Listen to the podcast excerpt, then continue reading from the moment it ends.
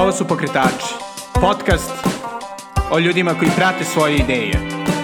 Ja sam Srđan Garčević. Dobrodošli. Tešo, hvala puno što si prihvatio da gostuješ Pokretačima. Ove, verovatno ne treba puno e, reči da te upoznaš mojim slušalcima i sad gledalcima. Ove, jedan od osnivača Balkan Infa, jedne od najuspešnijih medijskih projekata, nezavisnih medijskih projekata u Srbiji u proteklih možda, pet godina, ako ne celu deceniju. Napravili ste boom, imate preko 100.000 subscribera, preko, šta je 250, čak možda i pola miliona nekim videima pregleda. Da, ukupan broj je, pregleda je 52 miliona, ukupno na wow. poslednje kanala, da. Da, tako da, ovaj, izuzetno. I čisto, pošto čini da se manje čulo o tome kako si ti zapravo pa, došao u cijelu priču. Da, te, da ti se zahvalim što si me pozvao u tvoj podcast Pokretači. E, hvala na lepim rečima i svemu što si rekao. Pa ja sam krenuo bez ikakvog nekog u smislu plana, u kom smislu. Ja nisam znao da ću se ja baviti novinarstvom, nisam imao svest u tome, ali život me je poslao u tom smeru. E, u određenom trenutku, u periodu 2010. 11. 12. sam se bavio nešto novinarstvom, ali to je bilo piskaranje po nekim portalima i ništa vredno pomena. Intervju ili ne? Da, tako neke stvari, reportaže sa terena, članci, ima toga, ali ništa nešto sad posebno da bi rekao, da bi izdvojio. Međutim, ja sam već tada i naravno kasnijih godina primetio određen nedostatak određenog tipa sadržaja na našim medijima, određenog tipa gosti, određenog tipa emisija.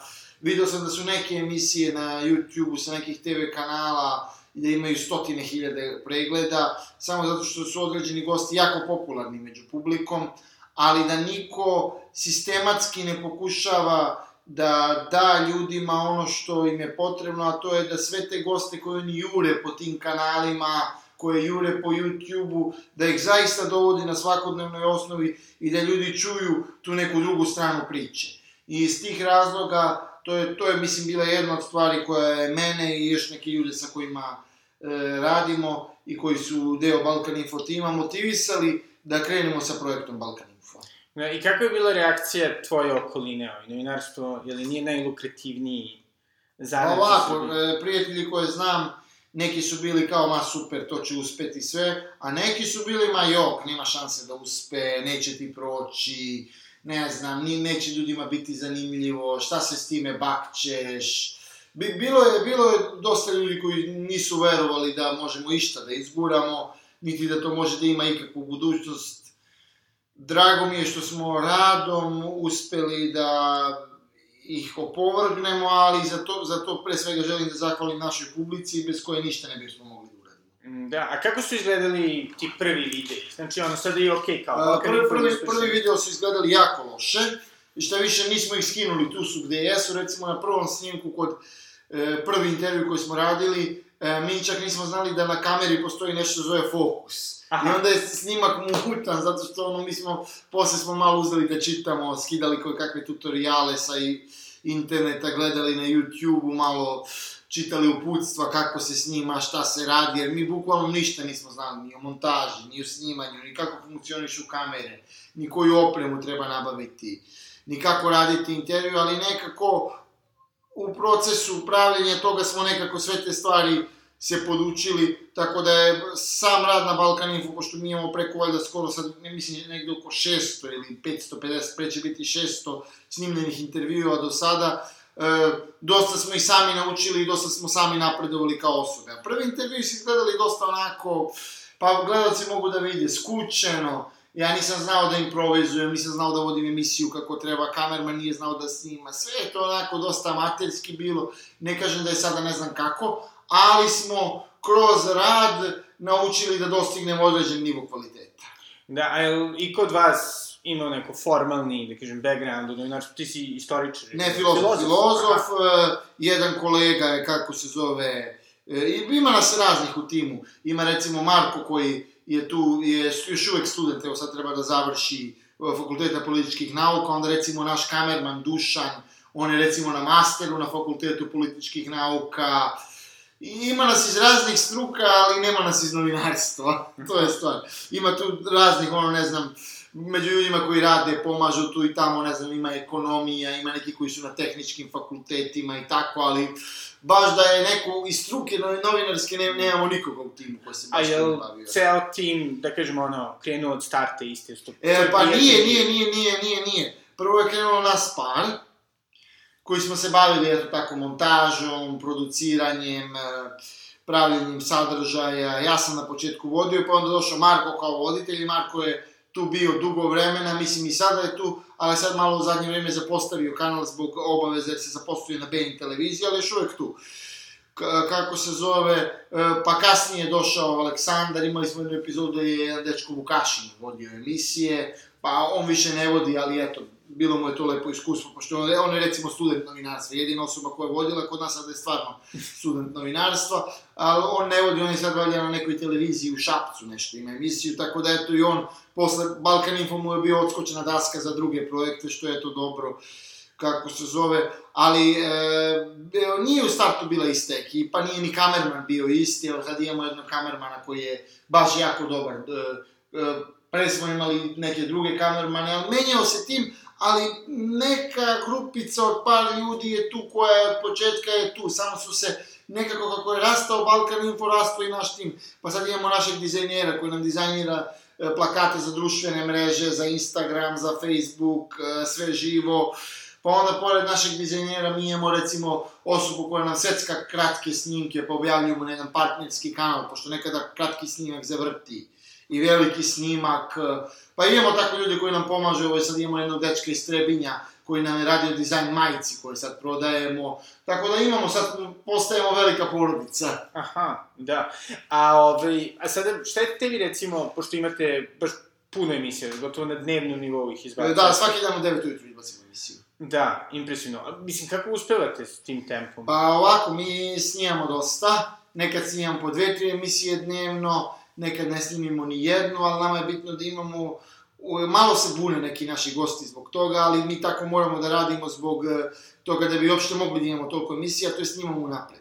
Mi uvek imamo jedno desetak emisija unapred, malo to nekad dovede do situacije da gosti zovu kad će da izađe moja emisija, jer oni te očekuju da će izaći odmah, nekad možemo odmah, nekad ne možemo odmah, ali u principu moramo da snimamo dosta i moramo da imamo određenu... e, zašto moramo da imamo višak emisija? Zato što uvek neko otkaže, uvek nekom iskrsne obaveze, uvek neko ne može par dana da snima, možda treba otputovati negde, a na taj način mi imamo lufta, ali snimamo non stop, snimamo dosta. Evo sada i Aleksandar je jako aktivan, dosta emisije je snimio, ja snimim dosta emisija, tako da se na taj način pokrije bez problema da svaki dan u 9 ujutru radi emisiju. Da. A ono što čini Balkan Info veoma upečatljeni, to su gosti.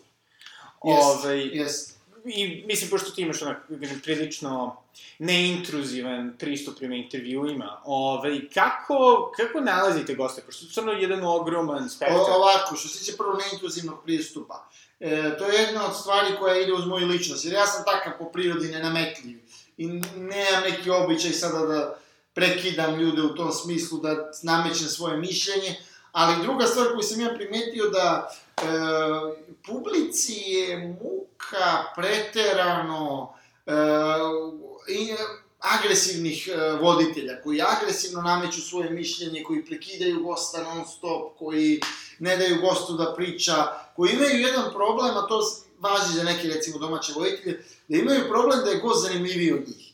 I recimo kod nekih voditelja, recimo kod Milomira Marića, čim gost krene da priča nešto zanimljivo, on ga prekida s nekim anegdotama, nekim, jer on ima potrebu da bude zanimljiviji od gosta.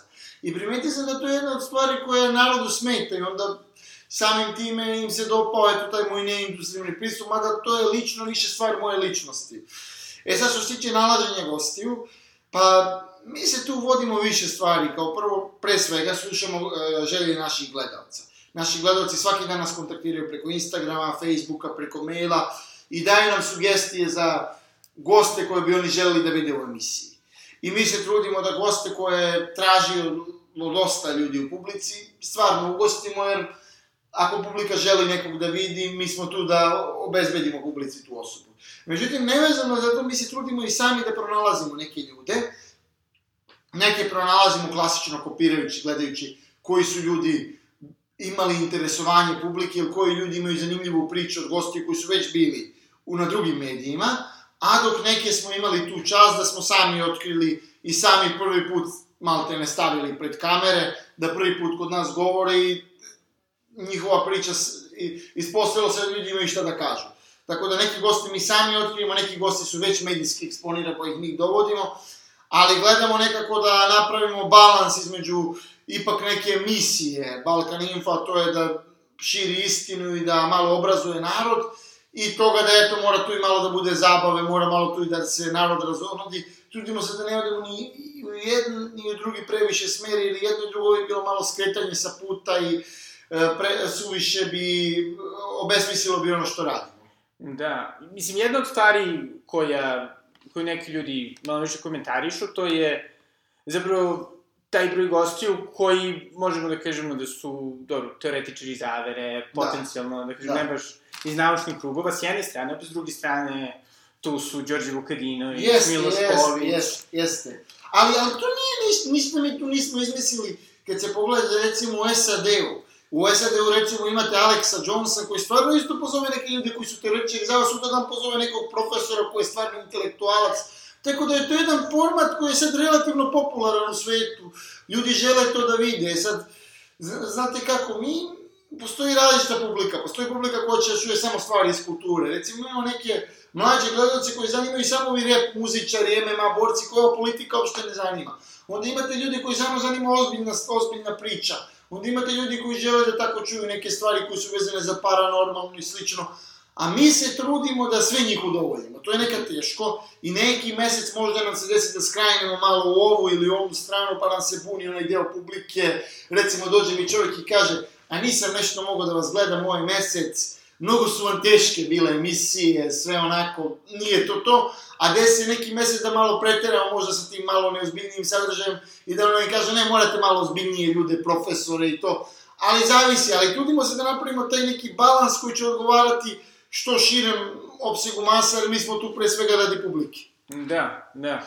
A ovaj, čisto, koja je tvoja lična preferencija? Znači, Moja lična preferencija je sve, ja sam radoznala osoba, ja sve volim da čujem od intelektualaca, teoretičara, zavere, ezoteričara, astrologa, ljudi iz kulture, mene sve zanima i ja sve to volim da čujem. I ja ništa od toga ne odbacujem, u smislu ja ne verujem, evo recimo ja ne verujem u ravnu zemlju, to nikako, ne verujem u gomile tih stvari, ali meni je to zanimljivo da čujem i volim da, da imam neki skeptičan duh, da ništa u startu ne odbacujem, nego da budem otvoren u guma. Znači vam je postmoderno pristup. Pa, postmoderno je nekako vreme, postmoderno vreme i mi moramo da budemo, a i sve toga mi ništa ne namećemo publici, oni ne moraju da gledaju naše emisije, jednog dana ako neki lik koji im se ne sviđa, oni neka ne gledaju sutra dan, malte ne sigurno bude neka drugi tip gosta, možda će im se to svidjeti. Tako da to je jedna velika korpa i nek neko izabere šta im se sviđa. Ne, šta je recimo jedna stvar koju, no, onako kao, najčudnija stvar koju si naučio tokom rada na Balkan Info? Najčudnija stvar? Najčudnija stvar, pa ne znam, ima puno stvari. Recimo, Slaviša Miljković koji tvrdi da je muški polni organ e, u stvari božanstvo. I da je to... Saša Miljković. Da, da, Kamiljković, da. Da je božanstvo. Recimo, on i njegove knjige koje je poklonio jesu jedna od čudnijih stvari, ali on je jedan jako veseo čovek, on je slikar pre svega.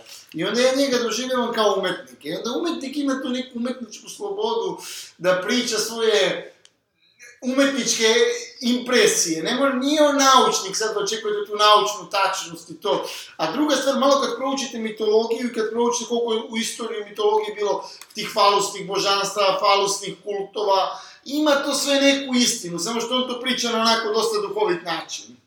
Da. Da, a sada da se dotaknemo malo, da kažemo, ovih hard gostiju. da. Ove, ovaj, mislim, isto imali ste problem da mi je bija Jeste, e, to je bio problem letos, ja sam bio u Amsterdamu sa mojim prijateljem, Đorđe Višekronom, e, napravio sam e, jedan intervju tamo u amsterdamskom predgrađu koji zove Harlem, pošto tamo živi Đorđe Višekrona, to je inače pravi Harlem, njujorski je samo kopija, I taj snimak sam ja držao na tim karticama, ono, kad se vrati u zemlju, računao da ću da objavim, i meni je bio konfiskovala SD kartice iz fotoaparata kad sam ja bio u stanu, Ja, nažalost, posle toga nisam bio u mogućnosti to da objavim i To je jedna tužna stvar na koji način se obaveštene službe zloupotrebljavaju u Srbiji i kako aktualni režim koristi svaku priliku da cenzuriše ljude. Sad šta je stvar? Nije taj sam Đorđević Ekrona toliko bitan, koliko je vladajući režim e, u strahu da određen tip informacija e, ne procuri. Jer šta je tu problem? Problem je tome što se oni služe jednom jako prljavom propagandom, a to je, ako ja recimo o osobi B, preko naslovnih strana, sto dana za redom pišem da je ta osoba lopov, da je ukrala pare, da radi s teroristima, da ne znam šta se je u pitanju, mogu ja kao taj političar ili ta javna ličnost da to demantujem koliko hoću, može i da mediji prenesu moj demanti, ali narod kad vidi naslovnicu to se prepričava, ne samo to. To, to ide od čoveka do čoveka, to, to kruži među narodom i vi više ne možete da ubedite nikoga da to nije tačno. Međutim, ako neko krene da koristi njihova sredstva protiv njih i kaže recimo Aleksandar Vučić je homoseksualac, on je to i to, to možda i nije tačno, ja ne znam, mislim da verovatno nije, nemam informacije, nisam imao, nik, nikad nisam upoznao Aleksandra Vučića da bi znao da li je to istina. Ali, to opet isto kao što deluje informacije o opoziciji, to deluje isto tako na narod. Ali e, stvar je u tome što se tim informacijama koje su takve prirode malo senzacionalističke zbog ljudske prirode koje voli tračeve, koje Da. voli odgovarati ljudima više veruje nego informacijama koje su dosadne. I onda je to nečeg čega se vladajući režim boji, a naravno se boji Aleksandar Vučić jer njegov sklop ličnosti ne može da istrpi da neko tamo nešto o njemu priča i zato on koristi mnogo jaka sredstva za stvari koje čak bi izgledale bezazlene samo zato što psihološki njemu to ne odgovara. Da, ali čisto ovaj, tu postoji ali i pitanje etike, jer donekle, makar u opoziciji nominalno, ovaj, postoji to zalaganje kao, ok, mi želimo drugačije društvo u kome se neće koristiti tim. A, ali, ali, e, evo, evo da kažem vezano za Đorđevi Šekrunu. Đorđevi Šekrun je u tom jednom intervju koji je objavljen, iznao razne šokantne tvrdnje. Iznao je kako se zove tvrdnju, recimo, e, da je Aleksandar Vučić homoseksualac, koju ja provereno ne znam. Ne znam, možda Niti jeste... moguće potvrditi. Moguće, niti je moguće potvrditi, ni- niti me iskreno pretjerano zanima, jer mislim da to čak nije ni relevantno. Međutim, on iznao neke tu druge stvari, kako funkcionišu opštinski odbori SNS, kako funkcioniše njihov sistem, kako se oni utaljuju, kako kradu pare.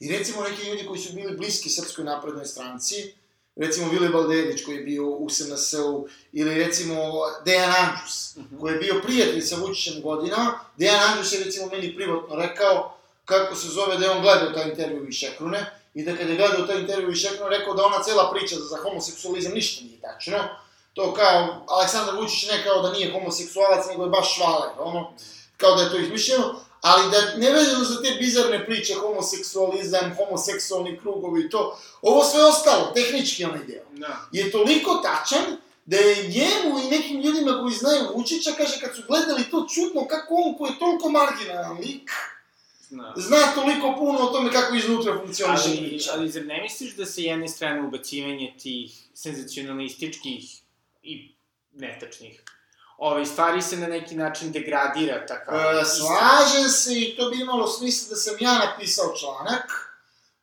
e, da sam ja napisao članak gde sam ja tvrdio da je Vučić homoseksualac. I onda bi stvarno bio optužen za pravljenje lažnih vesti i to bi bio problem. Ali ja to nisam uradio.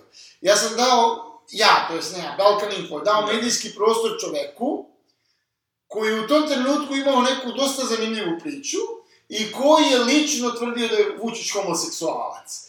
Da cela ta priča nije bila nimalo naivna, to je cela njegova priča, dokazuje to da je morao da pobegne u Holandiju, dokazuje to da je, da je nastala frka sa Bijom, da je meni bija, bila na stan, da milion stvari se dešava vezano za to, što dokazuje da je taj čovjek imao ipak neku medijsku težinu, zašto njegov glas je trebao da bude čuvan. Da nije baš marginalac, jer oni ne reaguju baš na svakog marginalca. N- Ne izaziva to. Druga stvar, on je Svakako se nadam. E, da, da, e, šta više, on je bio deo kruga, on je bio deo kruga ljudi za koje je Vučić komentarisao na konferencijama štamparima. Vučić voli da pomene, recimo na konferencijama e, štampa pomene Milovana Brkića, Vili Balderića, neki ljudi koji su dosta nepoznati u Srbiji, maltene marginalni. Ali činjenica je da on tada kao premijer, a sada kao predsednik, pominje te ljude, nešto se bave njima. Znači da kod njih ipak ima neka priča u novinarskom smislu koja nekome smeta dovoljno da bi oni zaslužili medijski prostor. A sledeća stvar, ja kao novinar, ne mogu da uh, garantujem e, istinitost onoga što uh, moji gosti tvrde u emisiji. Ja mogu možda, ako je potrebno radi javnosti, mada ja to ne radim zbog neinvazivnog stila, ali neki drugi novinari rade, da malo kritički pristupim njima i da ih malo nekako izrešetam da vidim šta je to tačno, šta je ne. Ja to ne radim jer je moj pristup kao opušteno, pričamo, zezamo se i onda jednostavno uz moju ličnost i moj stil novinarstva ne ide to sad da ih ja preterano oštiljam za to, inače drugi novinar bi to radio.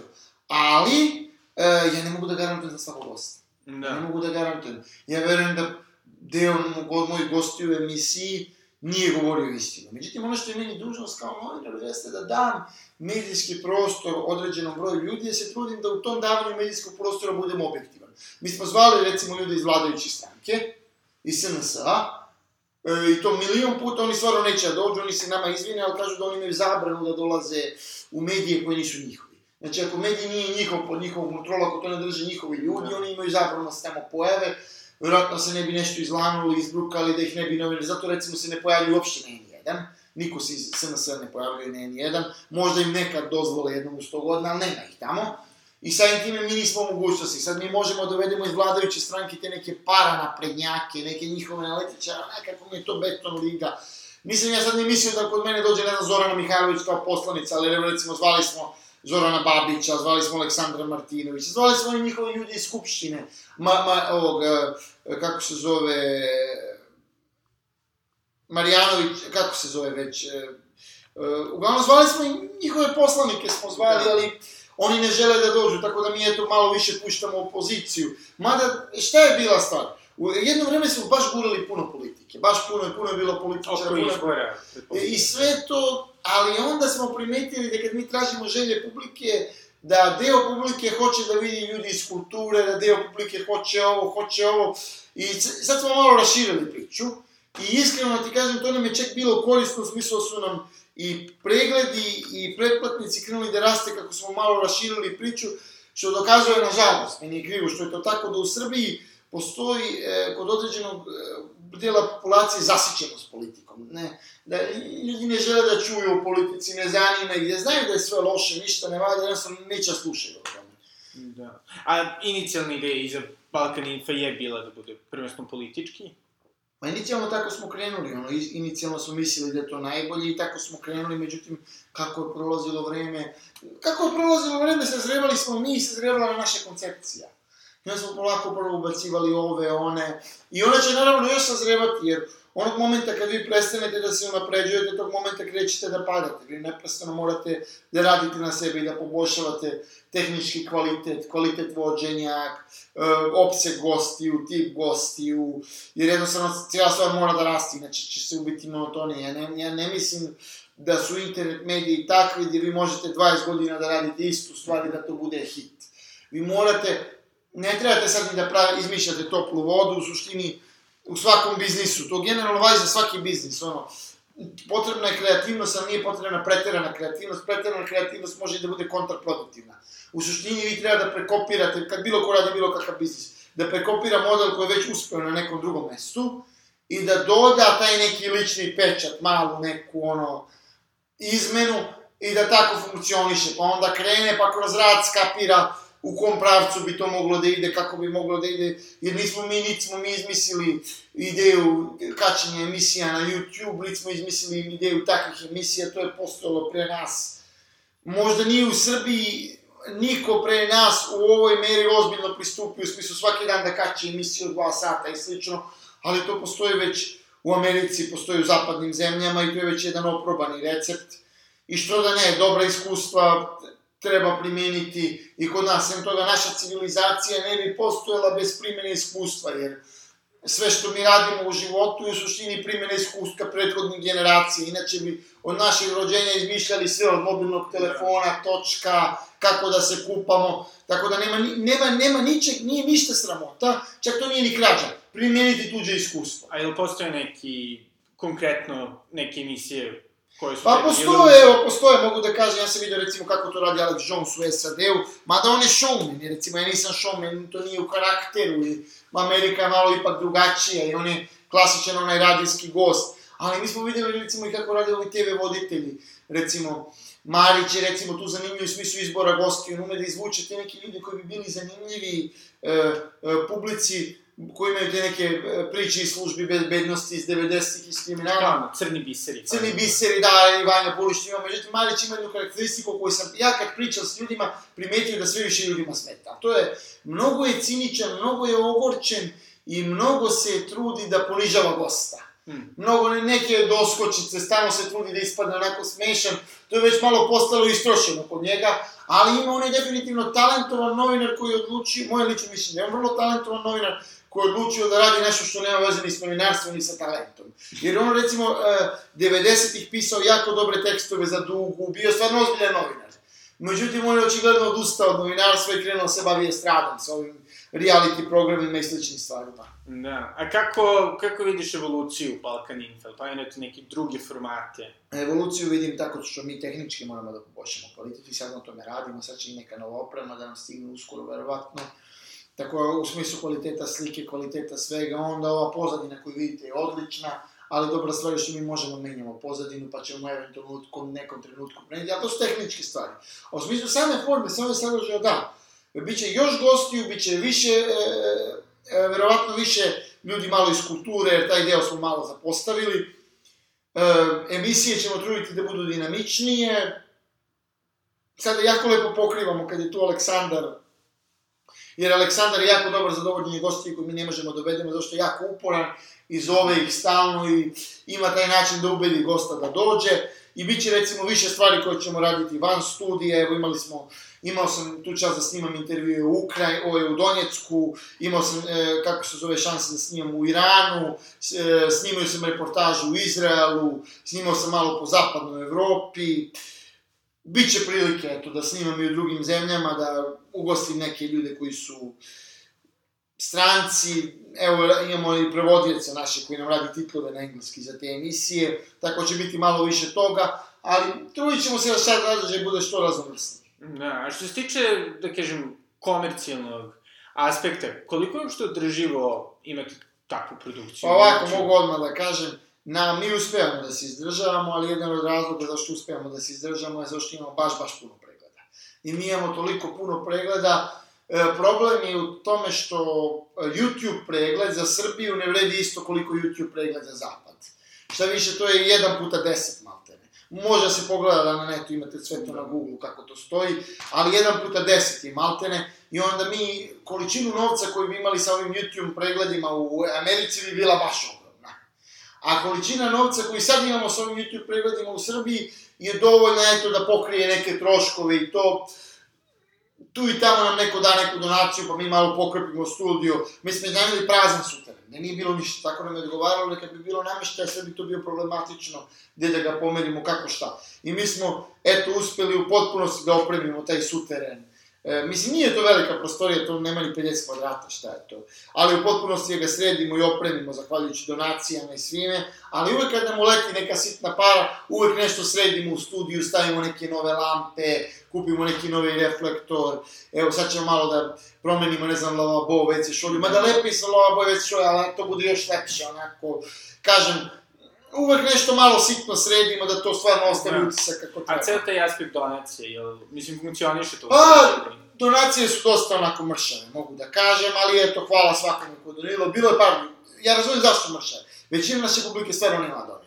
Bilo je par ljudi, ne bi da navodim njihova Da. imena, zato što, ne, ne, ne sada, nego čak i u emisijama ih nismo navodili, zato što oni žele da ostanu anonimni, koji su, eto, u određenim momentima, ne sada, ali pre godinu, pre godinu i po dana, kad je nama stvarno trebalo, kada recimo nismo imali ni toliko pregleda, kada je malo bila frka, su dali malo jače donacije. I to nas je pokrpilo, inače sitne donacije dolaze, ali mi ti sitne donacije se tu Mi imamo troškove velike i van toga, mi imamo recimo troškove što nekim gostima moramo platimo taksi, nekog moramo da dove, dovezemo, naravno ove stariji ljudi koji su profesori, pa gorivo, uvek se, uvek kada imate firmu, uvek ima dodatnih Da, da. troškova, uvek se na nešto potroši, uvek od komunalija, ovoga, onoga, tako da, ali mogu da kažem, eto, krpimo se, nismo u finansijskom problemu. Da, da, da, da. Inače, Tešo, ti si jedan od redkih gostiju ove, koji su opevani ikada na YouTube-u. Eto, hvala, hvala. Ove, jel bih htio malo da... E, pa jedno, to je, ta pesma nastala sam bio mnogo mlađi, bio sam klinac i tad kad sam bio klinac imao dugu kosu, išao sam po rock svirkama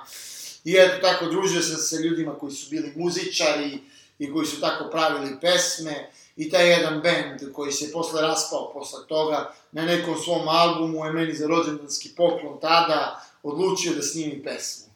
I ta pesma je još uvek na YouTube-u tu i eto, ja sam ponosan da imam punk pesmu. E, si ikad izmišljao da spraviš muziku? Pa nisam, antitalonac sam. Antitalonac sam za muziku i za pevanje i za instrumente, meni to ne ide. Da, da. A koji bi bio tvoj savjet nekome ko želi da se bavi medijima? Pogotovo na taj malo, da kažem, ozbiljniji način u Srbiji. Pa ne znam, zavisi koji medij, ako ho, hoće da upadne u neki, pa ne znam, na, šta, šta, ako hoće da upadne u neki mainstream medij, recimo neki radio, neki televiziji, neka televizija, mislim da kreativnost, izbor gostiju, izbor tema, može da bude ona stvar koju bi recimo nekog radio voditelja ili TV voditelja stavio iznad ostali. Jer nekako kad gledam televiziju, a pratim, ne, nemam televizor, ali platim na YouTube-u, gledam redovno šta, to mi je posao između ostalog da pratim medije, šta se dešava na našim televizijama, nekako je sve to sterilno i to... Malo se trudi, recimo, Mali sad s ovim jutarnjim programom, ali opet se trudi na neki način koji je meni malo dekutantan, jer je to malo nekako već reality, recimo doveo je nekog lika koji je bio u zatvoru zbog silovanja njegove žene. I onda je e, doveo tog lika i doveo njegovu ženu, da, koje, koja je silovana, i doveo je psihijatra između. Znači, kao Jeremy Kimmel. Da, da, da, i onda su se oni svađali, a psihijatar je reagovao kao da smiri njih. Pošto jedan i drugi izgleda imaju neke psihičke probleme. I ta žena i taj muškarac. A onda je sutra dan doveo iste te ljudi, istu ženu koja je navodno silovana lik koji išao u zatvor, da idu na poligraf. Da se vidi kao ko je tu bio u pravu, da li ona njega strpala u zatvor ili stvarno bila silovana. Da. Da tako neka priča, meni to nekako sa stanovišta novinarske etike nije baš korektno i suviše, to, to je nekako plansko zaglupljivanje naroda. Znači, kad sam rekao kreativnost, nemam takvu kreativnost, ali uvek može nekako da postoji jedna zdrava kreativnost i da se u tome novinar eto istakne. Da, da. A ovaj, a jel misliš da postoji, da kažemo, ono, tržište za, kažemo, ono, kvalitetniji sadržaj? Imali ste i pan, ono, dosta, da kažem, težih emisija, I postoji, postoji, postoji, oni imaju pregledi, oni imaju pregledi. I oni imaju tekako pregledi. A koja je, recimo, razlika između, ono, kad pozoveš A dobro. profesora univerziteta i... A dobro, e, ima, imaju pre... Pa zavisi koji profesor, zavisi kako, ali evo imali smo neke profesore čiji su intervjui išli preko 100.000. Imali smo čak neke profesore čiji su pregledi bili u langu ovih ljudi koji, ne znam, pričaju neku u rangu malte ne repera nekog ko je popularan na YouTube-u. Toliko su imali, a priča skroz onako ozbiljna, skroz. Tako da ne mora da znači, postoji interesovanje čak i za ozbiljnije goste. Da. Postoji. Sad nije za sve te ozbiljnije goste toliko veliko interesovanje, ali postoji za njih i oni imaju pristojan broj pregleda, tako da nije ni što se toga tiče loše. Da, jel postoji neko ili neka, neki tip ljudi za koje misliš da bi posebno trebalo da imaju platformu u Srbiji da mogu da pričaju? Pa ja mislim pre svega, šta, šta, je takođe veliki problem u vezi emisija? Veliki problem u vezi svake emisije, sad mislim i TV emisije, i radio emisije, što, mm, to je jako nezahvalno u smislu da, e, od toga koliko će vas ljudi, e, to koliko će vas ljudi pratiti često ne zavisi od toga koliko ste vi intelektualac i stručnjak, nego kako lepo umete da pričate ono što Želite da- želite da kažete.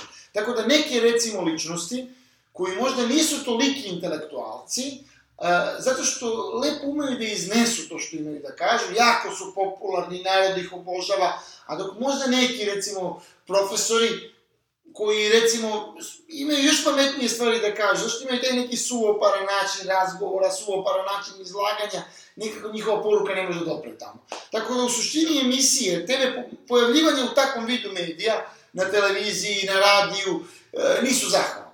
Tu prolaze ljudi koji umeju da ispričaju lepo to što imaju da pričaju. E sad, postoje stvarno intelektualci, jaki intelektualci, koji su jako zanimljivi za slušanje. I to publika obožava da čuje. I sve to. Ali, kažem, tako da je nezah, nezahvalno je malo, nekada taj, taj nekada, nekada taj, utisak kako izlažete stvari ume da bude presudan na ne samo na YouTube i na televiziji, tako da televizija je u tom smislu nezahvalna. Da, znači ono, dosta je, do, dosta zapravo je veliko ograničenje to. Pa ograničenje, ne, da ne, neki ljudi recimo, neki ljudi, neki ljudi recimo koji stvarno imaju autoritet, koji su jaka imena, recimo bio nam Kosta Čeloški, on je jako ime akademik, i on će uvek imati preglede, to će ljudi gledati, ali neko ko je recimo slabiji profesor, mislim ne slabiji profesor u smislu da ima manje, manje, nego ima manje, manje su ljudi poznati, manje je njih poznat, nema recimo, nije recimo član SANU-a, nije, nije tog ranga. On recimo, ako ne ume baš dobro da izlaže, to neće proći toliko, a dobro. Da. Ma, malo je to, zavisi od osobe, zavisi od tipa ličnosti, zavisi od teme o kojoj osoba govori, sve to varira. Ali postoji interesovanje baš za intelektualne stvari. Mi smo imali intervjue koje kad smo snimili neke od njih mislili, pa dobro, lepo je ovo, ali ovo je toliko stručno, toliko se ulazi u neke stvari, mi ne znamo ko će ovo da gleda, ili ispostavilo se baš puno ljudi gledalo. Tako da nije, ne treba ni, e, isto kao što ne treba precenjivati publiku, misli su svi u publici genijalci, ne treba ni pocenjivati publiku, ima jako puno ljudi koji su intelektualci u Srbiji i ima jako puno ljudi koji možda nisu intelektualci, ali žele da čuju nešto zaista pametno. Da. Hvala puno, Tešo. Mislim da je otprilike ovo, nažalost, to što se... E, meni je bilo drago i ja bih stvarno želeo e, sve najbolje u radu u tvom podcastu. E, slušao sam neke emisije koje si pre emitovao u tom podcastu i mogu ti kažem da radiš odličan posao. E, hvala puno. Vidimo Hvala. se.